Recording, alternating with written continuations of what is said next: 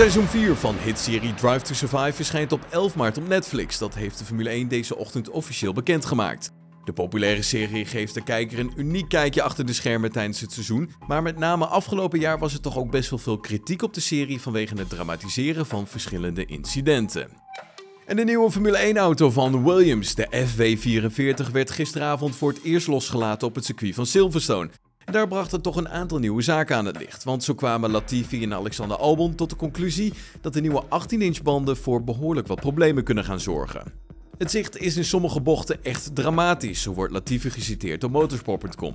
Het hangt er denk ik wel vanaf wat voor soort bocht het is, hoe je deze instuurt en waar je blik heen gaat. Het is iets waar iedereen aan moet wennen, maar er komen zeker gevallen waarin je minder ziet. Al dus Nicolas Latifi. Goed, dat was hem dan, het GP Fans nieuws van de woensdag. Heb je genoten van deze aflevering? Laat het weten op onze Apple Podcast en vergeet ons ook zeker niet te volgen op Spotify. Tot morgen. Hoi.